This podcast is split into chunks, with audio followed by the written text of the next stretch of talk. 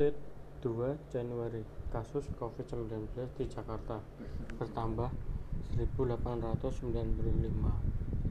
Jakarta.Kompas.com Pemerintah Provinsi DKI Jakarta kembali mengumumkan penambahan kasus terkonfirmasi positif Covid-19 pada Sabtu 2 Januari 2021 Kepala Bidang Pencegahan Pengendalian Penyakit Dinas Kesehatan Dinkes DKI Jakarta Dwi Oktavia melalui keterangan tertulis menyatakan penambahan COVID-19 di ibu kota menembus angka 1895 kasus.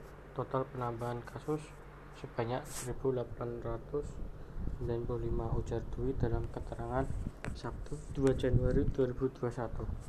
Namun, jumlah tersebut merupakan akumulasi dari diagnosis baru yang dilakukan oleh Dinkes DKI Jakarta sebanyak 1.347 kasus.